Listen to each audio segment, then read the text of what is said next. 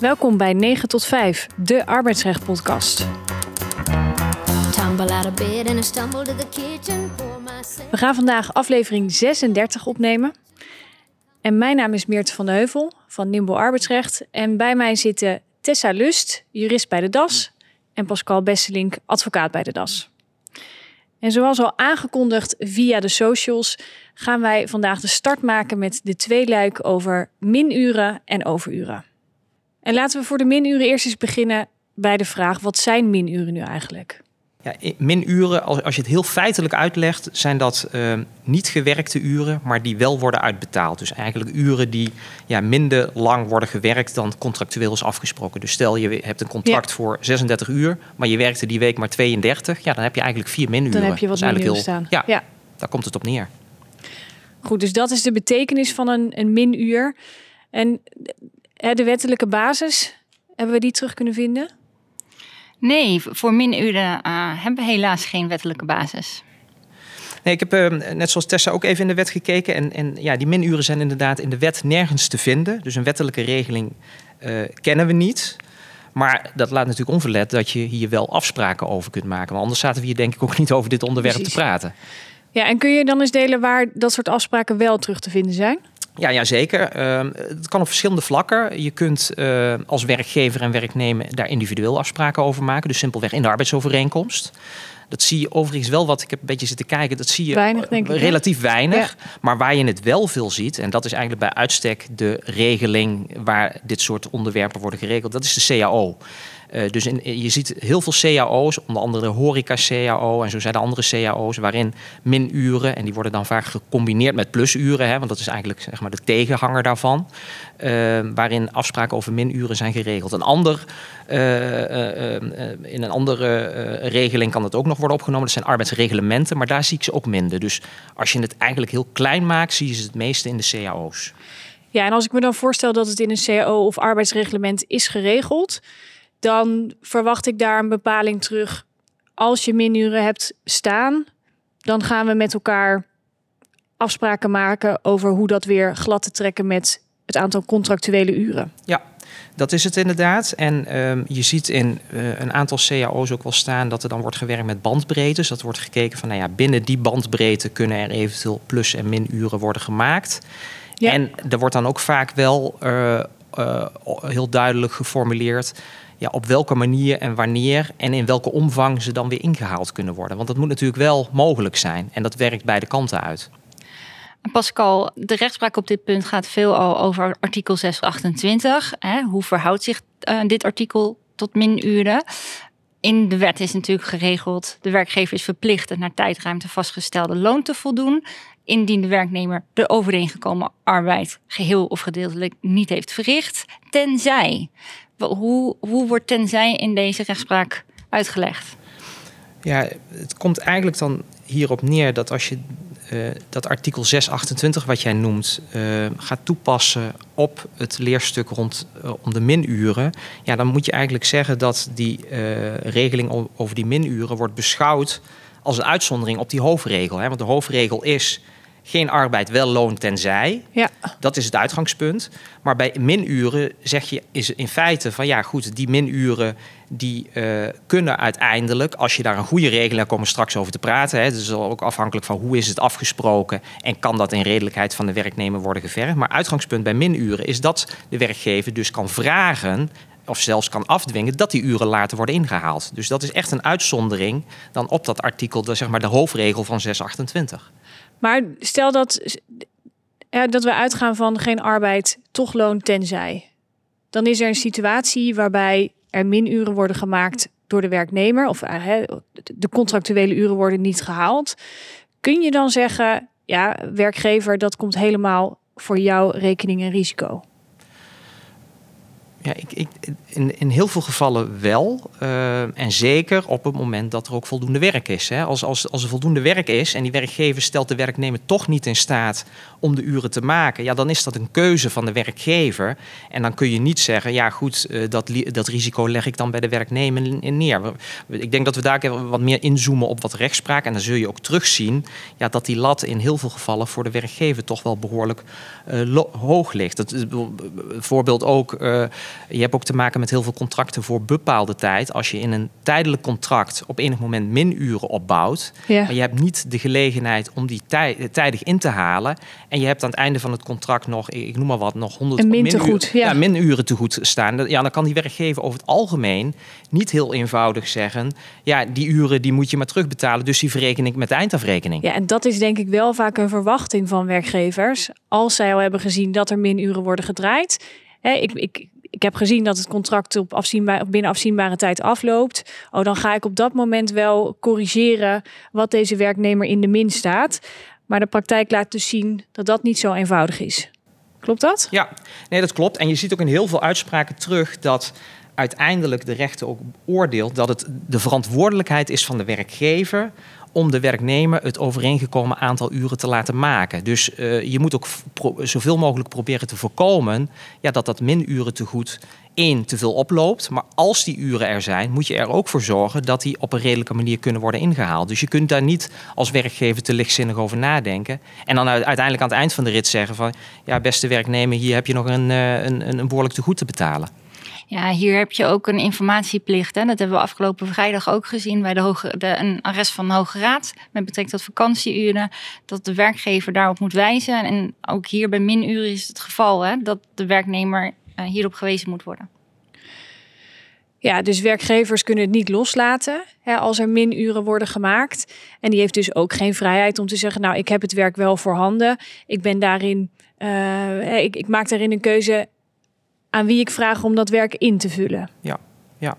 Nee, dat, dat is het inderdaad. En, en ehm, ehm, we, we hebben zitten kijken natuurlijk ter voorbereiding op, op eh, deze podcast van wat, wat is hier nu voor rechtspraak over. Straks gaan we het ook eh, hebben over de coronarechtspraak. Maar daarvoor was er ook eh, al best wel wat rechtspraak over dit onderwerp. En ja, er was, er was ooit een kantonrechter ergens in Limburg die zei: ja, het niet maken van eh, voldoende uren, dus het opbouwen van minuren, ja, dat komt eigenlijk altijd voor risico van de werkgever. Ja, ik weet niet wat jullie daarvan vinden, maar ik vind dat er vrij vergaande. Ik bedoel, je kunt dat niet alleen maar op het bordje van de werkgever leggen, zou ik menen. Als er helemaal geen afspraken zijn gemaakt, hè? want dat was hier Ja, het ja. scenario, nul afspraken en er zijn minuren. En voor wiens rekening zou dat dan moeten komen? Ja, precies. Afhankelijk van de omstandigheden. Die gooien we er altijd graag in, hè? Ja, Uiteraard. de, de omstandigheden van, van het geval. Ja. maar je ziet daar wel nuanceringen in. Want een paar jaar later was de kantonrechter in een bos die zei: Ja, ik vind dit echt wel een gezamenlijke verantwoordelijkheid. Ja, ik, ik, als, ik- als je het mij vraagt, ik vind persoonlijk ook wel dat dat het geval is. Waarbij uiteraard, en dat zie je in bijna alle, arbe- alle arbeidsrechtelijke onderwerpen wel terugkomen, ja, van de werkgever natuurlijk net wat meer gevergd kan worden. Ik bedoel, die moet ervoor zorgen dat het in goede banen wordt geleid. Maar die werknemer mag daar zelf best ook zelf in acteren. Ja, en dat je het hebt over de mag van de werkgever wel iets meer worden gevergd. Waar denk je dan aan? Nou, ehm, ja, aan verschillende dingen. Aan ehm, ehm, het, het vermijden dat er minuren ontstaan. Ja. Het vervolgens ervoor zorgen dat als er minuren staan, dat die weer worden, eh, kunnen worden ingehaald. Zonder dat dat eh, tot een, eh, een substantiële toename in een bepaalde periode leidt. Dus het moet ook op een redelijke manier zijn in te vullen. En het moet ook gewoon. het En moet- tijdig dus ook. en tijdig en kenbaar. Hè? Die werkgever, ik bedoel, we we hebben het ook over administreren. Die werkgever moet het ook goed overbrengen aan die werknemer, zodat hij ook weet waar hij aan toe is. Exact. Wij krijgen bij DAS ook regelmatig zaken binnen op dit punt. Hè, Pascal, dat ehm, de werkgever het niet registreert of wel registreert, maar aan het einde dan aangeeft, eh, je hebt nog zoveel minuren. En dan heeft de werkgever waarschijnlijk de verwachting dat dat aan het eind gewoon kan worden rechtgetrokken. En wellicht een verrekening met, ik noem vakantiedagen of andere elementen uit de eindafrekening. Ja. Nou ja, dat is een goede mitte, want we hebben natuurlijk over loon. Hè, daar gaat het in eerste instantie om. Maar je, werkgevers passen er ook andere varianten op los. Hè. Je hebt ook zaken waarbij uiteindelijk een werkgever eh, dacht van... ja, ehm, er ligt hier een behoorlijk fors saldo aan minuren. Ik ga die verrekenen met de vakantie. Ja, vakantie is een heel, eh, daar kunnen we ook weer een pod- podcast aan wijden. Ik wil een heel interessant onderwerp. Er is ook veel rondom te doen, hè, de vakantiewetgeving. Eh, maar ehm, eh, vakantie is een goed recht. Recupereren moeten werknemers kunnen. Dus werkgevers kunnen ook niet eenvoudig ehm, gemaakte minuren verrekenen met vakantieuren. Wat een werkgever in een bepaalde zaak eh, deed en waarvan het Hof, dat was het Hof Arnhem-Leeuwarden volgens mij, uiteindelijk oordeelde dat gaat niet. In ieder geval niet waar het gaat om de wettelijke vakantiedagen. Exact. Van bij de bovenwettelijke vakantiedagen kun je nog wel een uitzondering maken Ja. in de arbeidsovereenkomst. Of Ja, want zou dat dan betekenen dat als ik in mijn arbeidsovereenkomst zet, hè, de wettelijke dagen, nou daar kan ik eigenlijk niet aan tornen.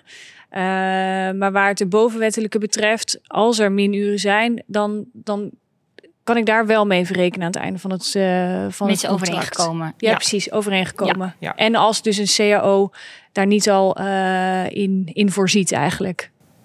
Ja, ja iedere keer die stapjes hè, van eh, je moet voor wat betreft dit onderwerp heel, heel veel eh, eh, bepalingen rondom dit onderwerp zijn vaak dan geregeld in de CAO. Dus je moet echt goed, goed kijken wat, is, wat, wat bepaalt de CAO. En als je het dan hebt specifiek over vakantiedagen, ja, dan is denk ik heel duidelijk de knip.